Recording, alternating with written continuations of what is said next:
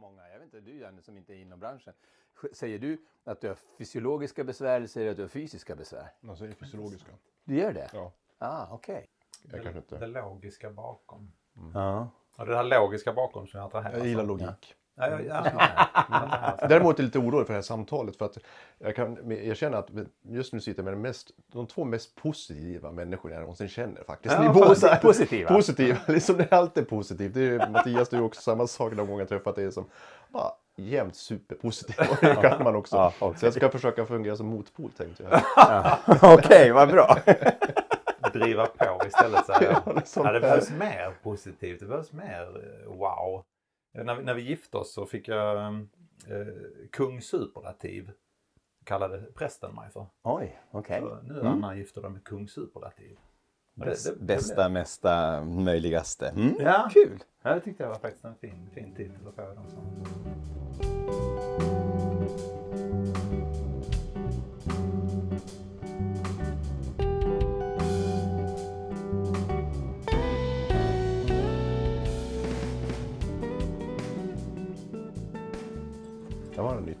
Ja, Mm. kul.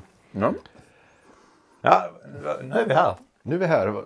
Välkomna till ett nytt avsnitt av Löparens själ. Avsnitt 32, någonting. Spelar ingen roll vad det är för avsnitt. Det är vi som är här nu. Vi som är här nu. Och idag ska vi prata lite grann som har med själen att göra, men mest kanske med kroppen. Vi ska prata smärta med dig Mattias. Välkommen hit. Tack, tack. Eh, Mattias Andersson, presentera dig lite. Vem är du? Jag är sjukgymnast. Ja.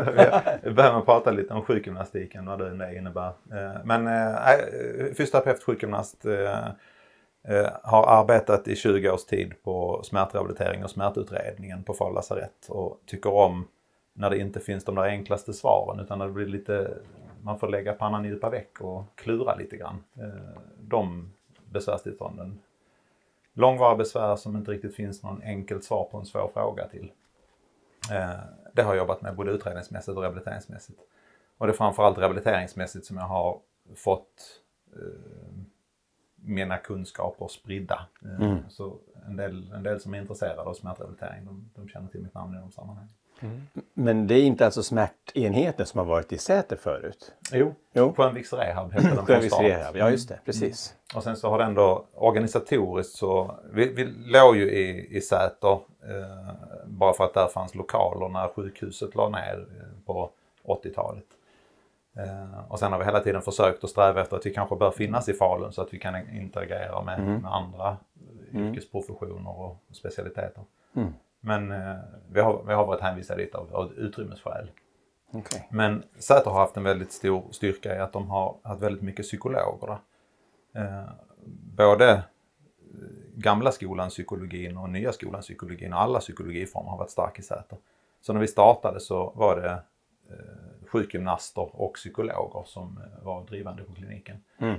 Eh, det var en, en överläkare från Gagnef, Mac, Frans Mildenberger, som eh, startade upp allting. Som hade ett intresse av eh, kroppsterapeutiska former och kroppen som behandling och verktyg och redskap. Som Frans Mildenberg har lärt mig en, en sak som jag tagit med från hans visdomsord. Eh, vi känner honom lite grann. Ja. Och han sa, och jag har sagt det här förut också, den man över 50 år som vaknar upp en morgon och inte har ont, han är död. det sa Frans Mildenberg. Nej, fast det är ju ganska intressant tycker jag, den här kopplingen. Alltså det, det är psykologi och eh, fysiologi i det här fallet. Man, man, har- ofta tänker man att en fysioterapeut håller på med kroppen medan psykologen håller på med men vad jag förstår så är det ganska mycket som handlar om just det mentala också när man talar om, om eh, fysioterapi och den biten. Eller, Ja, det hänger ihop så fasligt fint. Det är ju så, alla organ och organsystem hänger ihop och kropp och själ tror jag inte går att separera. Vi har ju försökt under alla år med det här dekartianska synsättet när vi ska separera allting och lägga upp det i olika fack, olika, olika enheter. Men eh, det är ju det jag tror gör så att vi misslyckas hela tiden. Och det här tycker jag är intressant för utan, eh, risken blir ju när ni sitter och pratar om vad som, är rent, vad som händer i kroppen. Men, men det är ju en sak vad, vad, vad, som, vad, vad smärtan är, alltså vart den sitter någonstans. Men frågan är liksom, eller snarare djupet kring det också. Men vad, vad betyder en smärta för någonting? Och liksom, vilken mening ger den mig också? Kanske, vi pratar om olika sorters smärta. Det är en kortvarig som sker kanske under ett lopp eller liknande. smärta känner du väl till. Du håller ju på med undervattensrugby för den delen också. Så det är, ja, eller hur? Eh, bland annat bland, bland övriga sporter vad jag förstår. Men, men sen så finns det den långvariga smärtan också som är en annan sak. Men nu är det kanske främst den, den kortvariga smärtan i hög grad vi kommer att fokusera på, ska jag tro. Ja, det är den långvariga som är min stora intresseområde och min stora kompetens. Ja, fast den finns ju också i vår värld. Alltså, vi har ju, om man ser till, till löparvärlden så är det ju två former av smärtor man kan prata om. Det är den, den direkta som kommer i ett lopp där man har ont, man, man kämpar med det här. Sen har vi ju just de här eh, rehabiliteringssmärtorna som man får hålla på med väldigt lång tid. Eller lidandet kanske har övergått till snarare under eh, ett knäproblem eller vad det nu är för någonting. Eller hälseneproblem. Eh, Men kan, kan vi först börja med att definiera vad smärta är? Har du någon bra definition på det? Ja, det finns ju en International Association for the Study of Pain som har, har olika definitioner. Och eh, de får vara nästan slå upp om man ska hitta dem rent, rent konkret vad det står. Jag har slagit upp det, jag tar mig friheten att slå upp det. Och apropå det här med att det är en psykologisk aspekt. Eh, definitionen av smärta är en sensorisk och emotionell upplevelse. Det är som påverkar det negativt, eller det fortsätter någonting. Men alltså, Och vem är det som är... jo, de. de. International Pain Association. Men är det då Swedish Pain Societys översättning du läser? Ja, det vet jag inte riktigt. För det, fin- det finns lite sådana här lite olika. För ord har stor betydelse. Ja. Eh, och ska du översätta den på svenska Ja. så är det Swedish Pain Society som är ansvarig för att ha relation till internationella sammanhang. Okej. Jag sitter med i, som suppleant i den styrelsen. Ja. Och det som är det intressanta med översättningen är att det finns eh, underliggande tilläggspunkter. Och de tycker jag är mer intressanta än själva definitionen i Ja. sig. Och det är självklart så för dig som är specialist inom området. Nu pratar vi lite för, för folk som, som kanske inte har tänkt de här banorna så mycket, det. som, som är löpare mest och som eh, jag bara ville ha en grund. Liksom, att det finns en emotionell aspekt och det finns en sensorisk kroppslig aspekt. Apropå det här med att kropp och själ sitter ihop, det var det jag mm, just det. menade. Det. F- feedback till. Liksom, så Ehm, precis, det var... Eh, Nu, jag fortsatte aldrig men jag... Förlåt. Eh, nej, nej inte alls. Eh, men, ehm, eh, jag har jobbat inom smärtrehabilitering i 20 år. Eh, men sen har jag också, vi har uppdrag att undervisa och sprida kunskap. Och då har jag haft lite undervisning och, och föreläsningsuppdrag eh, som har mynnat ut i att jag har varit mer och mer på högskolor. Och sen snart 10 år så har jag varit på högskolan på halvtid. eh, Där vi har ett magisterprogram i fysioterapi som jag är ansvarig första två terminerna. Men nu, sen årsskiftet, så är jag doktorand på heltid. Okej. Så jag har kommit i en annan spår. Så just nu så träffar jag inte patienter kliniskt. Nej, utan du forskar. Jag forskar. Mm, spännande. Men på den direkta frågan som sagt, när vi försökt definiera det hela, liksom om man ställer frågan så här. Alltså, ska... Smärta är ju någonting negativt laddad. Hur ser du på det? Är, det? är det negativt med det smärtan? Eller hur ska vi hantera smärtan? Det finns olika former av smärta. Jag tänkte vi kanske ändå på något vis kan reda ut det här. Då. Ja, vi, vi har ju redan börjat att snurra in oss på att eh, vi inte riktigt vet vad det här är. Och tittar vi historiskt så var det ju från början så var det ju filosoferna som ägde förklaringen av begreppet och teorin kring smärta. Och sen när vi, det var nog i samband med Descartes-spåret eller strax innan det, så började prästerna komma in. Eh, kyrkan fick en makt och ky- smärta kopplades till synd och straff. Eh, och då blev det prästen som tog över från filosoferna och börja äga. Och sen när, eh, jag måste väl i samband med viktorianismen höll jag på att säga, men, men eh, när vi började med att, och, eh, ja, på, på senare tid, 1700-1800-tal och framåt, och vi började lägga patienter i sjukhus i salar och kunna jämföra dem med varandra och hitta, hitta samband och system och annat, så blev det att, att läkaren kom in och fick en, en, en roll. Och då tror jag det är Karin Johannisson, eh, idéhistoriker. Är hon idéhistoriker? Ja. Hon, hon menade att den, den svarta läkar, eller den svarta prästrocken gick över till den vita läkarrocken. Så, och då blev det läkarna som tog över definitionen av smärta. Så de har gått från att vara ett filosofiskt ämne till att vara ett teologiskt ämne till att bli ett medicinskt ämne. Och börjar komma tillbaka till ett filosofiskt ämne idag faktiskt. Ja. Fenomenologin som kallas inom fil- filosofin just har liksom fokuserat mer på den här biten också. Just med smärta. Det som var kopplat till mening egentligen. Vilken, när man har långvarig smärta eller sjuk eller lång tid så funderar man på att eh, just vad, vad betyder det meningsmässigt för människan? Vad gör med en människa rent? Så att det börjar komma tillbaks tycker jag är riktigt spännande. Mm. Men så är det med allting, pendeln slår tillbaks. Vad gör det med oss människors smärta då? Vad det gör med oss? Ja. Ja, alltså den, den, påverkar ju också oss i väldigt hög grad. Frågan är ju liksom när, när jag tar över och jag identifierar mig med den smärta eller den sjukdom jag har. Det är Mm. det som också som är problemet. Eller man blir avidentifierat när jag inte kan vara det jag egentligen var utan jag har blivit någonting annat istället. Mm. Och då blir ju meningen väldigt förändrad i sitt liv så att säga. Till slut är man sin sjukdom till exempel eller Mm. sitt problem. Och det ser du inom psykologin också. Man är, och man brukar säga men man är kanske inte sin sjukdom eller man är, mina tankar är inte ens sanna egentligen men man tenderar till att tro att de är sig med det. Ja, precis. precis. Med det. Men åter till smärtan som sagt. Mm. Eh, som var, var, Fast, fast nu i två tankar får jag direkt. Och den ena är eh, en 1700-tals filosof, tror jag detta var faktiskt. Eh, Michel de Montaigne kan det heta. Som sa att smärta tar så mycket plats som vi ger den. Ja. Den tycker jag är intressant i den här diskussionen. ja absolut. Men sen så kom vi in på identitetsskapande och då finns det en annan, en, en psykolog från England, eh, Tamar Pincus. Jag, jag föreläser ganska mycket om de här områdena så ni, ni känner att det finns vissa namn som finns med. Men Tamar Pincus menar att det finns, eh, eh, hur mycket stör smärtan dig? Hindrar den dig? Så att du måste liksom tänka om eh, och måste avbryta det du håller på med. Eller måste du byta eh, inriktning helt från plan A A-variant till plan B-variant. Jag kan inte fortsätta med det, jag måste göra något annat. Eller den tyngsta nivån är hotad min identitet. Och när den går på så starkt så att jag kan inte längre vara den som jag personifierar mig själv genom för att smärtan sätter käppar i hjulet och hindrar mig. Då är det mycket mer lidande aspekt som kommer in.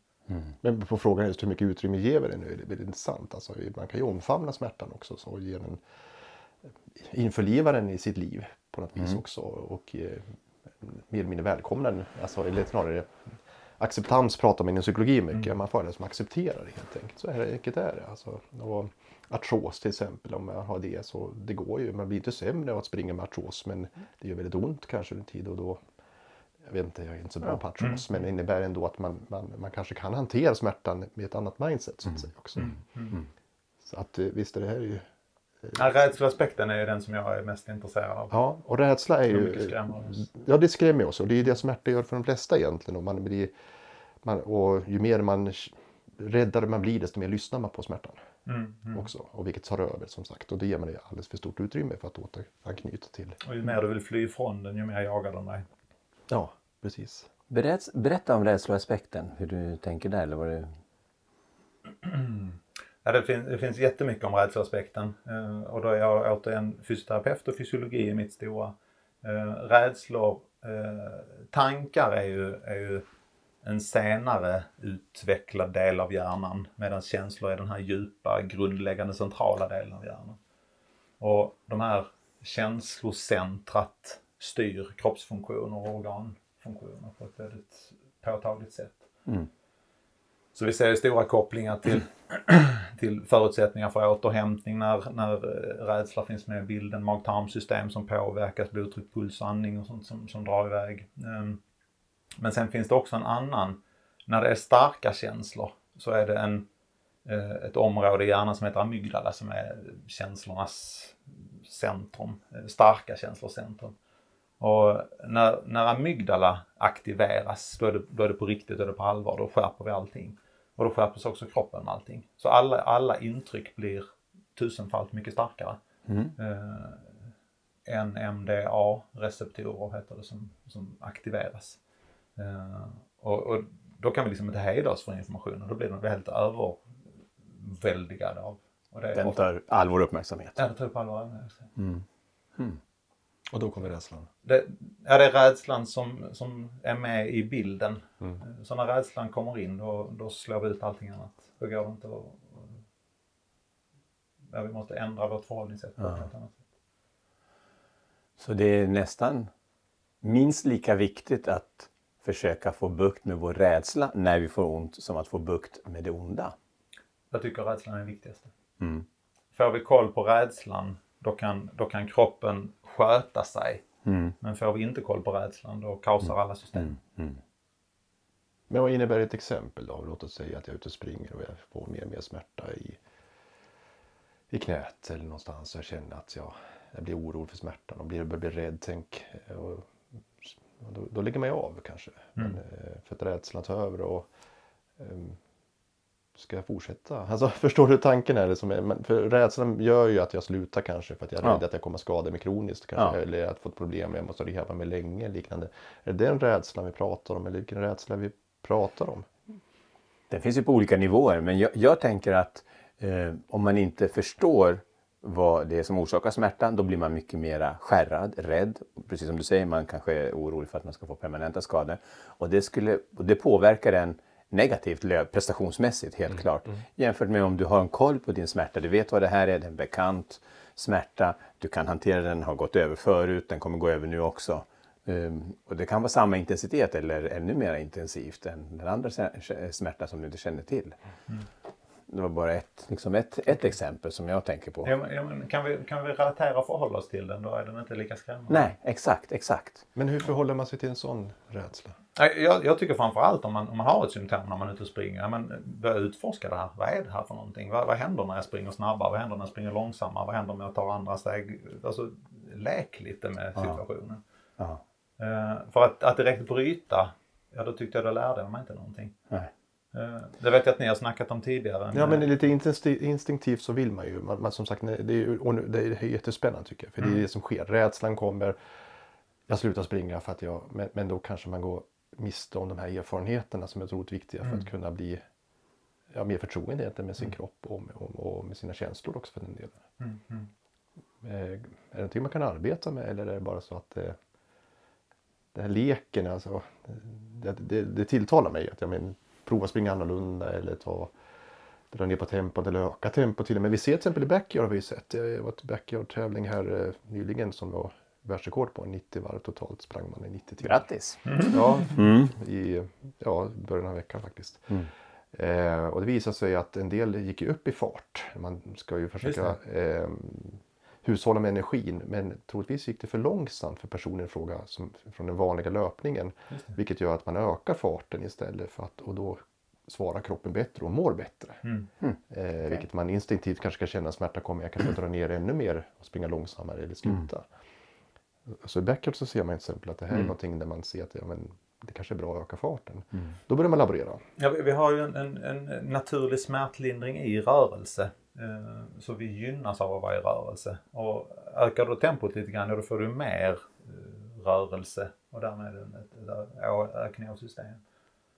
Men det, det finns det är ju det är så jätteolika det här. Det där är jätteintressant. Du du satte ord på det som vi varit inne på flera gånger. Men just det här att smärta kan behandlas med hjälp av rörelse. Att det finns en naturlig eh, smärtlindrande effekt i rörelsen. Det är jätteintressant. Det har vi ju sett effekt på vid artros om vi tar det som exempel. Eller andra tillstånd som blir bättre av rörelse. Som kanske är mer välkända. Men det är roligt att tänka sig att det finns en inbyggd, vi pratade om eh, analgetika förra gången. Det finns eh, inbyggd naproxen i rörelse. Det är ganska kul att tänka sig. Mm. Faktiskt. Och det är sånt man börjar hitta nu mer och mer. Eh, Jag tror vi, vi har snackat någon gång tidigare om, om eh, cannabinoida receptorer som kroppen helt nersmetad. Vi har inte förstått varför vi har så mycket receptorer på den här typen. Nej. Och så säger vi att när vi dricker cannabis då får vi dem. Men nu, nu är den kopplad till fysisk aktivitet. Mm, Mer och statiska belastningar och långvarig aktivitet. Och då är det cannabinoida receptorer som går igång. Och då får man den här, en, det är en del av det som vi kallar runners high. Jaha, det också. All right. Ja, man, man trodde det tidigare var kopplat till endorfiner. Ja. Men så stoppar du in eh, Naloxon som Ja. blockerar och då får Ja. du ändå någon typ av positiv upplevelse. En, en annan grad eller en annan känsla av runners high. Sen kopplas ner till cannabis. Det var intressant ur forsknings eller ur kunskapssynpunkt. Ja. Mm. Och det är mer komplext än man tror, men ja. Ja, nej, men, men eh, som sagt den här, nu, du har ju en psykolog här också, liksom, men hur, hur ska man arbeta med rädslan som sagt? Eh, Man provar på olika sätt. Ett sätt, finns det någonting annat du tänker Kalman? Jag tänker att man måste eh, ta tjuren vid hornen på svenska eller, eller att eh, en av mina uttryck är att eh, whatever you're afraid of won't go away until you confront it. Alltså du måste, du måste eh, vad, ska, vad heter det på svenska, fejsa det. Du måste Ja, ta tag i det. konfrontera det Konfrontera det, ja, precis. precis. Tack. Du må- och ju mer rädd, eh, rädsla du har desto viktigare är det att, att konfrontera detta. Att eh, s- ta hand om det och, och göra så mycket mer av det. Ehm, det är ju grunden för en del av beteendeterapierna men det är framförallt en grund som är väldigt viktig i, att lära känna sig själv. Alltså både psykologiskt men även kroppsligen. Alltså, min smärta där, den gör ont om jag gör det där. Men om jag hoppar på ett ben en stund så går den över. Alltså, eh, lek är, är mitt, eh, mitt recept för att hålla en viss distans till allt som är allvarligt, som är väldigt viktigt. För gör vi inte det så är det risk att vi blir översköljda och överfallna av rädsla i det här fallet. Eller ångest i ett annat fall, eller vad vi nu pratar för någonting. Så det är roligt att höra dig Mattias med, med leken. Den, den tror jag är också ett annat sätt att förhålla sig. Jag får två tankar i, bild, i huvudet. här. En är om jag är hemma och leker på min eh, bakgård och snubblar och stoppar ner handen i ett, eller foten i ett, i ett hål. Och så sticker det till och så kommer jag upp och så har jag skurit mig på fingertoppen eller tån eller någonting. Eh, och det jag då sätter är ju, vad är det här, vad ska jag göra med det och hur behandlar jag det bäst? Jag sätter en diagnos, prognos och behandling. Eh, och sen, ja men det här blir bra på en vecka, det är ingen fara liksom. Och så gör jag mitt beteende som är adekvat kopplat till, till scenariot. Mm. Men om jag då istället skulle vara eh, löpare och jag skär mig på tån. Mm. Nej, vänta. Ah, jag kan ju inte springa med den här tån. Då får det en helt annan effekt av, av sammanhanget. Åh, jag har ju tävling, hur ska det här gå? Mm. Eh, och den, den blir ju mer, det blir en dimension till. Symptomet är ju samma men, men konsekvensen blir annorlunda. Mm. Och sen ska jag sen då, om jag tar ett, ett helt annat scenario, att jag är i Amazonens djungel och har precis hört talas om giftiga spindlar och farliga ormar och så trappar jag ner foten eller skär mig på det här och det blöda. Vänta, vad händer nu? Var det något giftigt som kom in här? Mm. Då är det ju då är det ju med fara för livet som jag går in i samma. Mm. Så symptomet ifrån, ifrån fingret eller tån, den är ju lika alla tre scenarierna. Ja. Men konsekvensen är ju livet, Mm. hotet eller ja men det var ingen fara. Ja, men det, det ord som, som är bärande för det, det är ju kontroll. Alltså i första Oh, fallet så, intressant. så har man ju kontroll.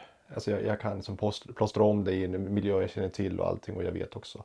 De andra två fallen har ju inte kontroll på samma sätt. Mm. Vilket gör att när man tappar kontrollen eller känner att man inte har kontroll längre, vilket, eh, då, då kommer rädslan givetvis. Jätteintressant. Eh, Och kontroll är väl det största problemet vi har, vi människor idag egentligen. Vi försöker kontrollera precis alla delar i våra liv och det, går inte att kontrollera våra liv. Nej. Eh, Det finns ju en- väldigt få bitar vi kan kontrollera, ska jag påstå. Mm. Men det är egentligen det vi försöker göra på olika sätt. Mm. Eh, eh, nu, Karin Johannesson en psykolog från Södertörn i Stockholm. Hon pratar om det omätbara. Ja, det, vi vill ju kontrollera, vi vill boxa Ja. in, vi vill liksom äga. Men Ja. det som inte får plats i formen, det som sticker ut. precis, är det inte Jonna Bornemark du tänker på? Jonna Barn, vad sa jag? Bo, eh, Karin Johannesson. Ja, förlåt. Precis. Jonna Bornemark, Mm, precis. Jonna Eh, Bornemark. precis eh, Omätbara, alltså renässans heter Ja. boken som hon, som hon skrev som blev eh, väldigt poppis. Och, ehm, precis, eh, vi kan inte mäta allting Mm. i vårt mätsamhälle idag och jag tror det är det som är problemet idag också. Förr i tiden så fick man hantera situationen utifrån den situation man var, var i. För det handlar om överlevnad. Idag Mm. så ska vi kontrollera allting, det handlar inte om överlevnad så mycket kanske utan vi vill ha kontroll på allting och det, det finns liksom gränser för vad vi kan. Men ändå så tror vi i vårt upplysta samhälle att vi kan kontrollera allting. Och det bygger på en sorts tanke och vetenskaplighet. Att men allting går att förklara eller liknande med vetenskaplighet. Och det tror inte jag är sant. Ja. Mm. Menar ni att det som vi inte kan mäta, det som är det omätbara, att det blir i dagens samhälle det som hotar att förgöra oss? Nu lägger jag en massa lager på det här, men, men, men jag funderar om det är så ni tänker? Att det blir så skrämmande eller farligt för att, för att vi inte kan mäta? Du, du vet inte vad den där eh, giftspindeln kunde ha gjort eller det ligger utanför din kontroll. Jag vet inte om det har varit en bra fråga eller inte, men, men vad, vad, vad gör det här o- o- som vi inte kan kontrollera och som är omätbart, som är utanför vår kontroll, vad gör det med oss? Så, så tänkte jag. Jag tror att, att eh, det här är ett lyxproblem som vi har i vårt samhälle. Och, eh, Okej. vi, vi har så mycket tid till att tänka på saker och ting så att därför så har vi just tid och, och just gå in i de här fällorna så att säga. Jag ser det som fällor egentligen, att vi går in och ska försöka kontrollera allting. Och, och det är därför vi skriker efter vård eh, och vi ska vi går till nästa läkare för att få ett ny, nytt omdöme, second opinion, för att vi liksom inte är nöjd med besvaret. Så Vi försöker kontrollera precis allting. Eh, Även det som är utanför vår egen profession dessutom. Eh, Och det här tror jag är ett problem idag, ett lyxproblem helt enkelt. Eh, förr i tiden så liksom, då var man tvungen att hantera situationen man var. Man var ute i skogen och gick i flera dagar eller liknande för att man höll på. Så man tvungen att hantera och lägga om benet och sen det fanns en sorts en, en, enkel kunskap eh, som, som man nyttjade idag så vet vi så mycket mer men ändå vet vi mindre och egentligen det är som problemet tycker jag. Mm. Eh, trots att vi vet så mycket så vet vi mindre. För att vi borde egentligen förstå att ja, men det här såret jag har här, det ska inte hindra min löpning heller egentligen särskilt mycket. Utan det plåstrar om det och så får jag fortsätta. Och sen mm. får jag kanske mäta hur mycket smärta jag har framöver. Mm. Och sen ta ett beslut. Inte vet jag. Men, men du har ju också pratat Mattias, jag har ju, det var därför jag ville att du skulle komma där. Att, men du, du ser ju smärta kan ju vara någonting positivt har du sagt till mig någon, vid något tillfälle. Alltså att det... Jag har ju jäkats och frågat varför har vi smärta? Mm. So what liksom. Jag har haft den under alltid, sen alla tidiga skrifter. Eh, något som är intressant är att tittar man på, på skrifter i Sverige på 1700-talet och 1600-1700-talet så nämns inte smärta alls i samma utsträckning som funktionsnedsättning. Så det är när du inte hade funktion, då var du inte kapabel att uh, ja, få ja, mat i hushållet. Ja, liksom. Så smärta var, den var sekundär. Men, mm. men ändå, det finns ju det ända från bibliska skrifter och annat så nämns ju smärta i alla sammanhang. Mm. Och, och då undrar jag, men var, varför finns det? Det måste finnas av en anledning. Något som är ännu mer spännande är att, att, kroppen är ju väldigt smart på att har vi ingen nytta av funktionen, då tar vi bort den. Har vi ingen nytta av den här belastningstoleransen, då tar vi bort den. Mm. Vi effektiviserar och tar mm. bort allting. Mm. Och smärta har vi eh, många kopplar att det är nervsystemet som är intressant när vi snackar smärta. Eh, och ja, till viss del, men det är inte där det mest fascinerande händer. Men vi har, när vi får en rätning i kroppen och det skapas en inflammation som då har syfte att förbättra och läka och göra bättre. Det är ju Guds gåva till människan, en inflammation. Det är ju, mm. här ska vi göra det mm. bättre nästa mm. gång. Mm. Ger man bara lite tid så ska det här lösa sig nästa vända. Ja. Liksom. Eh, och då, när den inflammationen aktiveras så startas det upp ett, ett, ett helt smärtsystem eller, eller eh, nervsystem som är passivt. Vi har ett, ett, ett, tyst system som ligger och skuggar hela kroppen. Och när vi får en, en rätning då aktiveras det dessutom. Eh, mm. Och varför har kroppen som är så bra på att ta bort all energi i alla sammanhang. Vi har ett system som bara används i samband med att eh, när vi har fått en skada eller vävnadsräkning. Men är inte, en, en dum fråga, men är inte det för att förhindra ytterligare vävnadsskada? Men varför lägger vi så mycket energi på det? Ja. Om, ja, vi då, om vi då ja, säger att kroppen ja. har de här systemen. Ja. varför? Det måste ju vara något positivt med det. Det måste vara något mm. fantastiskt med det. Det borde ju vara. Och det har jag intresserat mig för. Mm. Och det tycks vara att, att eh, eh, det som vi upplever som smärta tycks vara kroppens sätt att guida vad ska jag göra. Mm, mm. Så det, det, är kartan för, för att mm. hitta, hitta rätt, komma mm. vidare. Mm.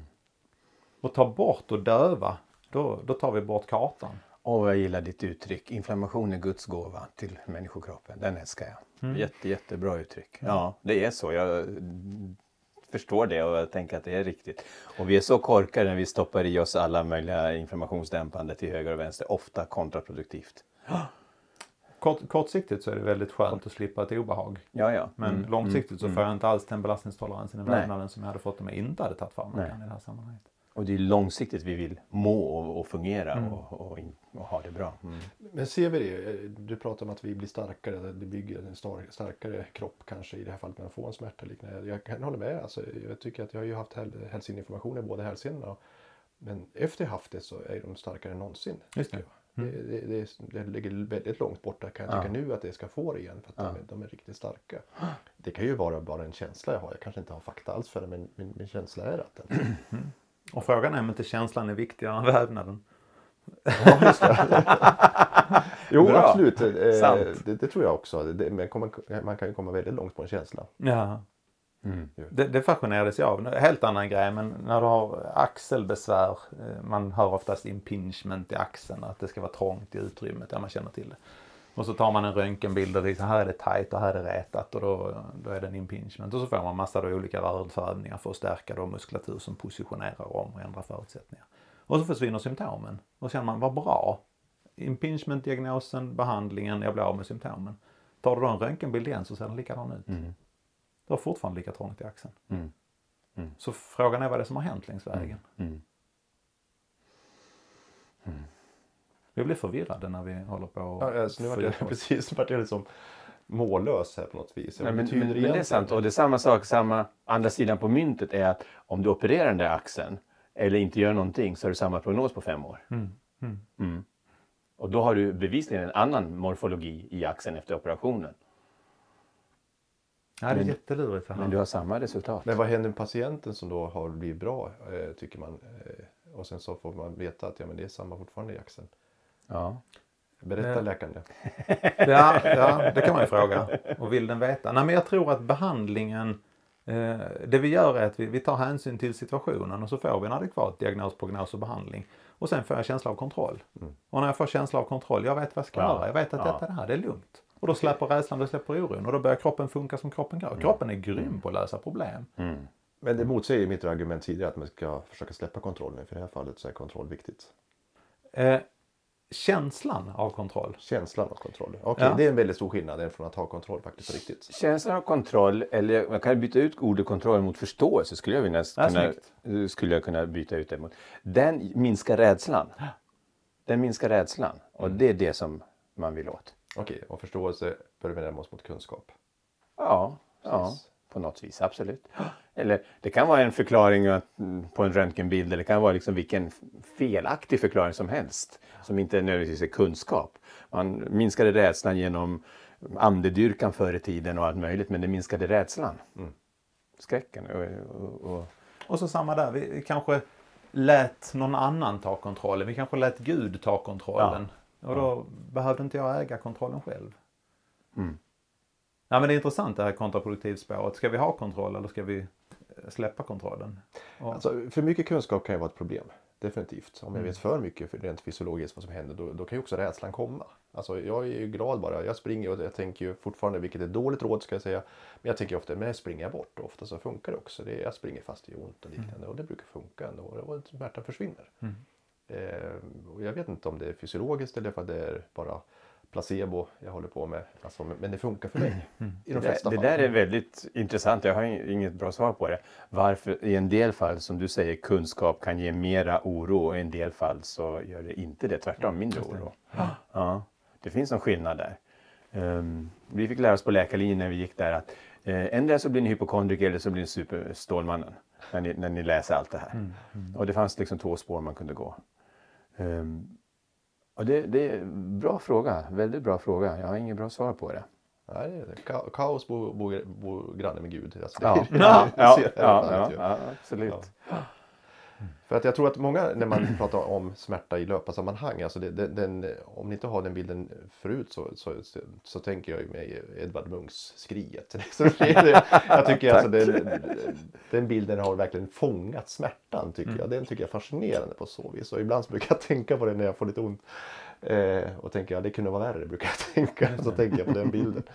Eh, Men, men smärtan är ju förknippat med någonting negativt och jag ville, i- hoppades i det här samtalet kunna vända till att ja, men det kan ju vara någonting viktigt som sagt, som du också är inne på. Att den här, vi pratade tidigare också om kroppen talar till oss på något vis. Den vill, den vill säga någonting. Ja. Men vad vill den säga? Jag, jag, tror, jag, tror det, är- jag tror det är dumt att, att uh, symptommässigt ta bort uh, obehag, symptom Mm. utan att ta, ta hänsyn till vad är det här som ligger bakom. Mm.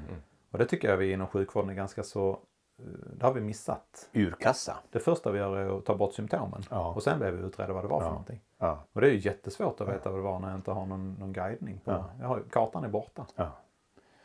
Nej, det där har vi verkligen misslyckats med. Jag, jag brukar säga liksom, vi tar bort hosta, vi tar bort feber, vi tar bort alla symptom vi bara kan. Liksom. Och så vet vi inte varför, vad, vad det som ligger bakom. Det är jättekorkat.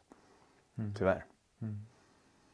Nej, det är bättre att, att, att förstå och, och lära sig. Ja, men har jag hosta ska jag inte ta hostmedicin utan då är det bra att jag får upp slemmet för då rensar jag bacillerna i luftvägarna, får ner dem i magsäcken när de dör. Jag förstår sambandet.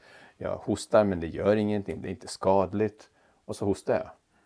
För- verkar- som ett exempel. Andra, andra diket man hamnar där är också ibland kanske att ja, men vi ska inte ta mediciner och sånt utan vi ska klara oss för kroppen kan läka allting också. Det, det finns ju ett sånt farligt dike också. Ja, självklart. Absolut. man liksom är, är, eh, väljer bort eh, vissa mediciner.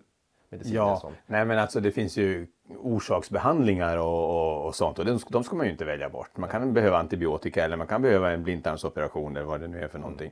Det är självklart, man ska inte gå alldeles för långt åt något håll, åt något dike. Så är det ju. Det ser jag faktiskt just med tanke på smärtstillande farmaka. Vi sa innan att, att eh, inflammationen är Guds gåva och att det är antiinflammatoriska då, är det då tar du bort Guds gåva.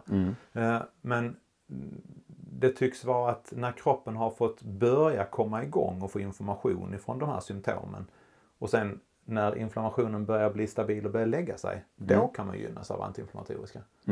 Så vänta en vecka, vänta 8-10 dagar, sen börjar du med den kuren. Så tar den inte dag ett utan tar den vecka två. varför, alltså varför då? Nu hänger jag inte med.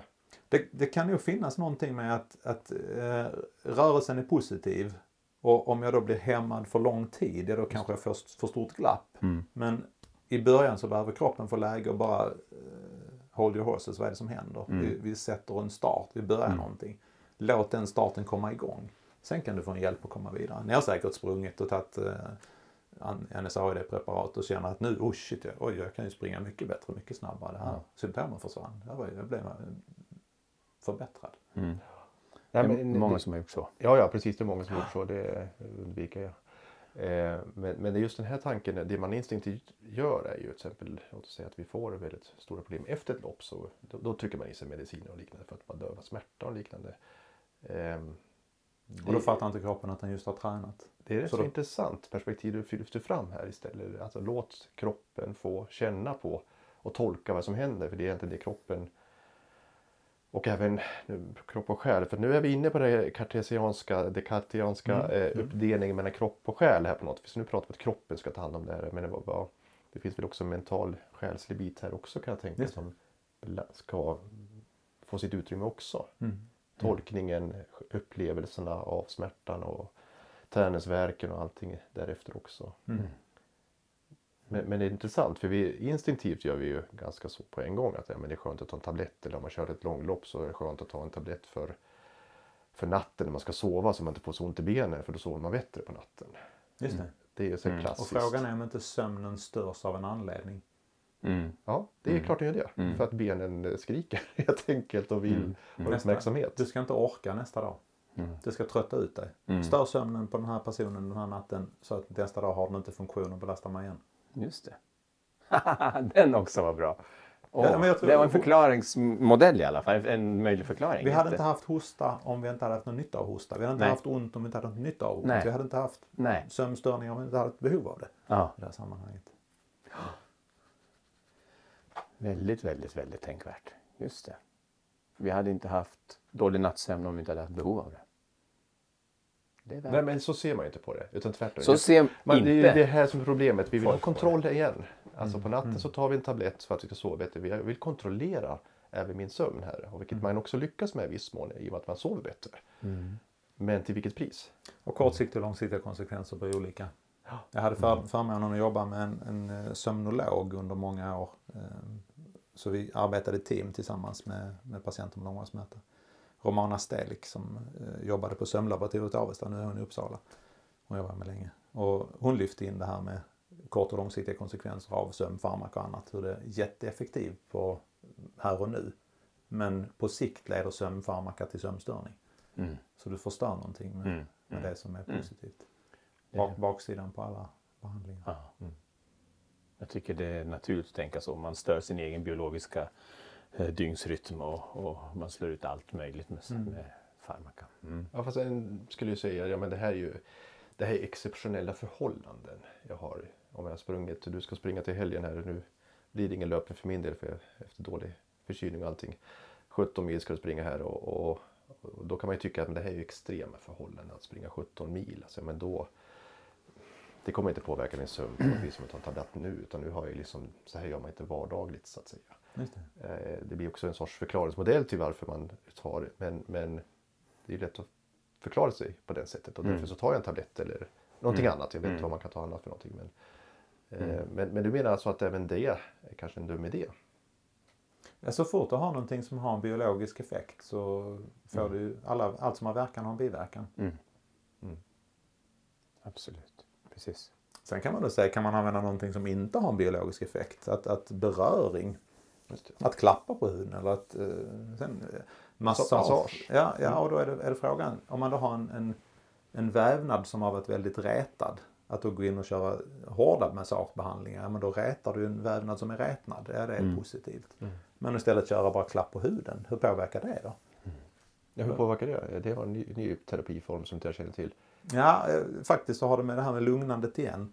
Eh, Så eh, taktila, vi känner ju beröring som beröring och så finns det vissa regioner i hjärnan som är ganska bra på att processa var känns det och var är beröringen. Men så hittar man för, kanske bara 30 år sedan någonstans, så var det en, en kanadensiska.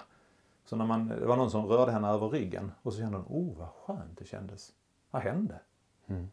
Och så, de förstod inte att hon inte hade känt att hon hade, men hon, hon hade inte, hon kunde inte känna beröring utan hon kände ett välbehag, en, en ångestlindring, ett, ett obehagsförsvinnande. Det var emotionellt hon kände snarare än, Ja. takt, taktilt så att säga. Absolut. Så då ser man att det finns en annan typ som är med eh, beröring av hårsäckar. Så när vi stryker över hårbeklädd yta.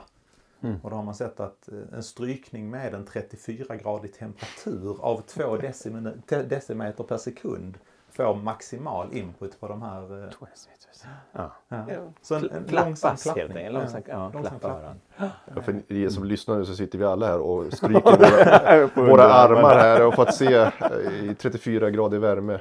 Ja. Ja, för tar du, tar du en, en, en gaffel och gör samma så får du inte alls samma effekt som om du tar en, en, en varm hand Just det. som gör samma effekt. Sen vet jag inte om det funkar lika bra att beröra sig själv som om någon annan gör det. För det finns ju något relations... Och det hade effekt mot smärtan på henne. Var det så hon upplevde det det? minskade obehag. Hon blev lugn. Hon blev lugn i minskad Ång- obehag. ångestdämpande. Ångest. Mm.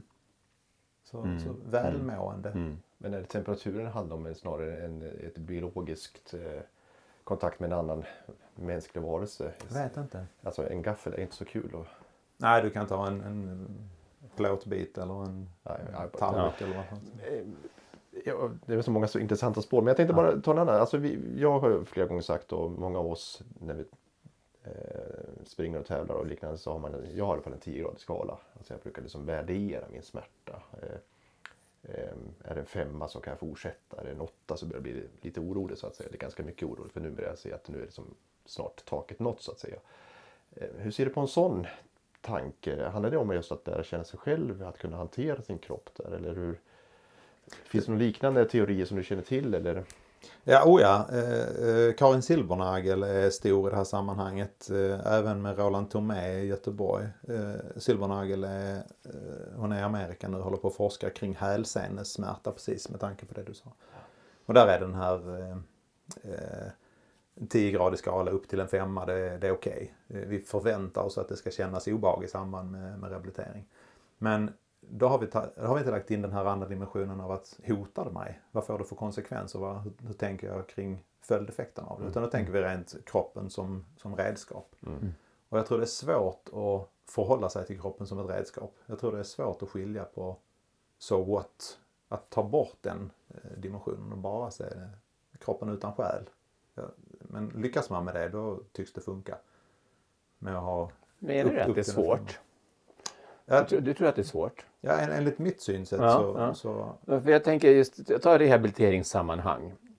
Där vet man då att den rehabilitering jag gör kanske gör ont. Säg att den gör ont 9 på en 10-gradig skala.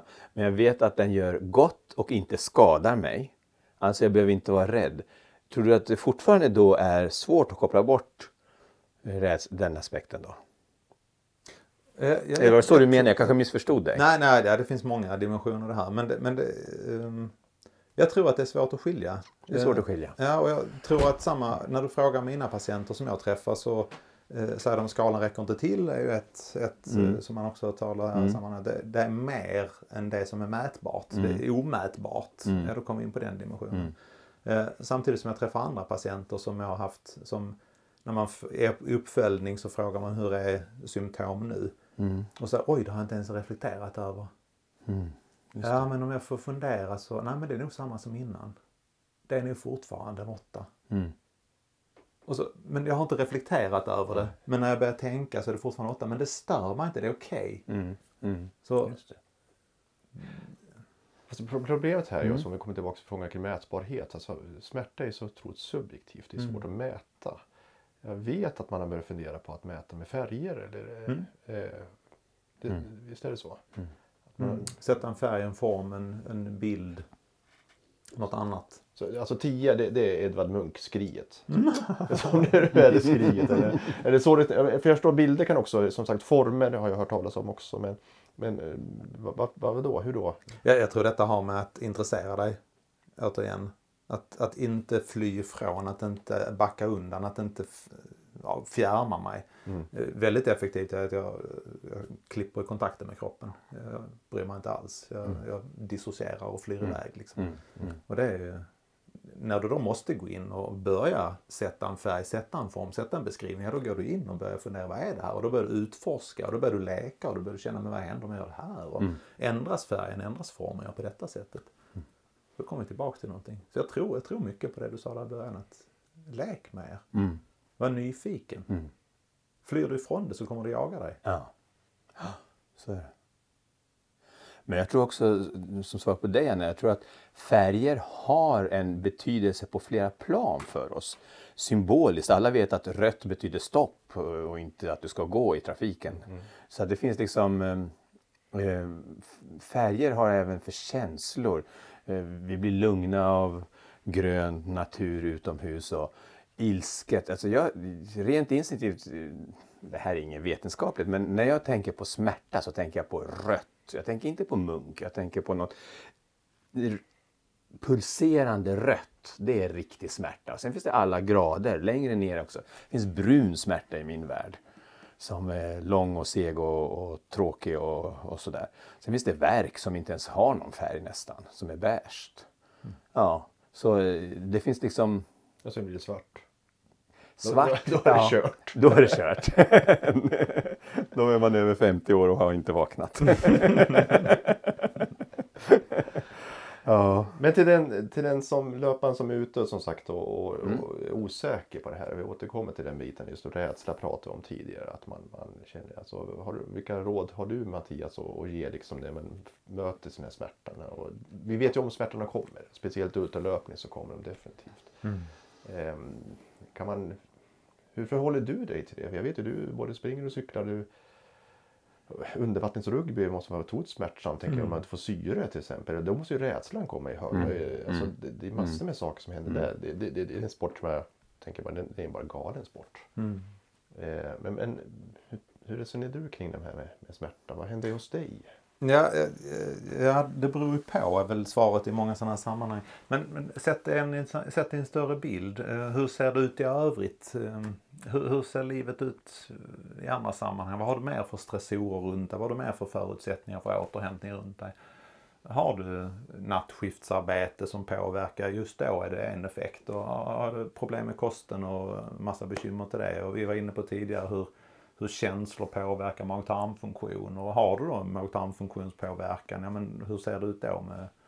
Jag, jag, jag kom in på eh, eh, Per Elofsson, gamla skidkungen. Som var, han, han tränar ju på ett väldigt eh, undra, udda sätt jämfört med att vara skidlöpare. Han tränar ju måndag, tisdag, onsdag, torsdag, fredag. Och tränar ju väldigt, väldigt aggressivt och hårt. Och på fredagen var han ju, han blev ju frånåkt av motionärerna. Men sen hade han helgen på sig och fick en riktig superåterhämtning. Så på måndag var han ju superbäst i världen. Det var ju ingen som var i närheten av honom. Så la han då så att måndagarna det var ju tävlingsdag. Så han flyttade ju det här schemat så att han kunde då pika på, på viktiga tävlingar. Men sen när han då blev känd och blev den här stora skidkungen. Han skulle klippa band, han skulle hälsa på kungen, han skulle öppna idrottsgalor och allt det och göra reklam för massa. Så fick han inte den där återhämtningen. Nej. Och då, då var det inte, han, han tränade på samma sätt men han fick inte batteriladdningen som konsekvens. Och då tappade han. Och det, det, han blev ganska frustrerad över det här vet jag att han själv har sagt. Och tränade ännu mer intensivt, ännu mer hårt för att han skulle ju piska den här kroppen så att den skulle leverera och funka. Och det slutade med att han gick in i väggen och försvann bort ifrån från idrottsmarschen. Och då kom Göran Kente som är Sveriges Olympiska Kommittés psykolog och sa att det var inte överträning, det var underåterhämtning. Mhm. Så byt, byt namn. Ja, men du säger att man ska ha alla aspekterna. Liksom jag tänker, jobbar jag mycket eller har jag annat i själsliga bagage kanske Mm. som påverkar. Så det kräver ett ganska stort holistiskt tänk, alltså att kunna se helheten och vilka, vilka klarar av det? Alltså förstår du tror- problemet här? Kan- Ja, men är man nyfiken det man håller på med så tror jag man kan se lite pusselbitar här, lite här och där. Och sen så är det inte meningen att du kan lägga hela pusslet. Men du kan se den blå bit eller en grön bit eller en brun bit. Var hör den hemma den här pusselbiten? I vilket hörn är jag inne och rotar? Vad, vad är det för någonting jag lägger för någonting? Och inte det filosofiskt sett en av meningarna med livet att lägga det här pusslet? Mm. Kan jag se. Jo precis, och det är egentligen dit jag vill komma. Som sagt, det kräver ju ganska mycket både självinsikt och, och kontemplation att komma in i, att förstå att ja, men det, jag, jag har andra saker som påverkar mig. Eh, smärtan kanske inte enbart är på grund av löpningen utan det. finns annat som gör att jag smärtar. Eh, jag är tung, tung i sinnet. Eh, och tänker, många tänker också det att ja, men jag springer ut och springer, springer bort min, mina demoner och, eller min det. ångest och liknande. Men det finns kanske ett problem med det också. Mm. Mm. Ja, då blir det en destruktiv motionsform Mm, mm. istället för en, en positiv Ja, motionsform. precis, exakt. Vi har pratat om det förut. Ja, precis. Men det här är ju också intressant att eh, när, när tillåter vi oss ta den tiden till att faktiskt reflektera över vår livssituation? Ja, vad händer om vi inte gör det? Exakt. Vad är det andra priset? Ja, jag tyvärr så tror jag att andra priset är de flesta får betala idag. Ja, Så vi tror jag har i, I en tid som går eh, väldigt snabbt så att säga. Vi har ju så mycket krav och, och saker som ska ske varje dag så har vi inte tid för Nej. Nej. Och påfyllning av, av, av information hela tiden som vi pratar om istället Mm. för att ta tio minuter och vara i totalt solitärt tillstånd och bara fundera över Mm. och lyssna på mina egna tankar. Mm. Vem gör det då? Nej, det Jag är tror, jag tror många, många tycker det är väldigt obehagligt att stanna upp och tänka. Ja. Och att, att vara still är väldigt ångestskapande om man inte, om man inte är van att göra det mellan varven. Det är Ja, men- lättare att fortsätta fly. Jag tycker vi ska ha någon, någon camp som vi är, sitter still på helt enkelt. Så sitter vi och stryker varandra på armarna lite. Den, den tar vi med oss. Den, den, den, den kommer jag, det lägret kommer jag gärna delta i. Nej, men det, jag tycker det är så lurigt med sånt här. Och, eh, när man kommer igång, man har olika besvär som kommer och går under resans gång. Och, eh, som jag sa, lek lite i aktiviteten under stunden och se vad, vad, vad händer med det här tillståndet. Um, kroppslindring, smärtlindrande system som framförallt är både känslomässigt styrda men också eh, kroppsaktivitetsmässigt styrda. När de kickar igång så, så känner man att då försvinner ganska mycket symptom. Man kommer in i någon liten euforisk fas där det, allting bara flyter på. Men sen så kan det ibland bli vissa besvär som kommer ikapp och slår igenom och bryter igenom den här toppen.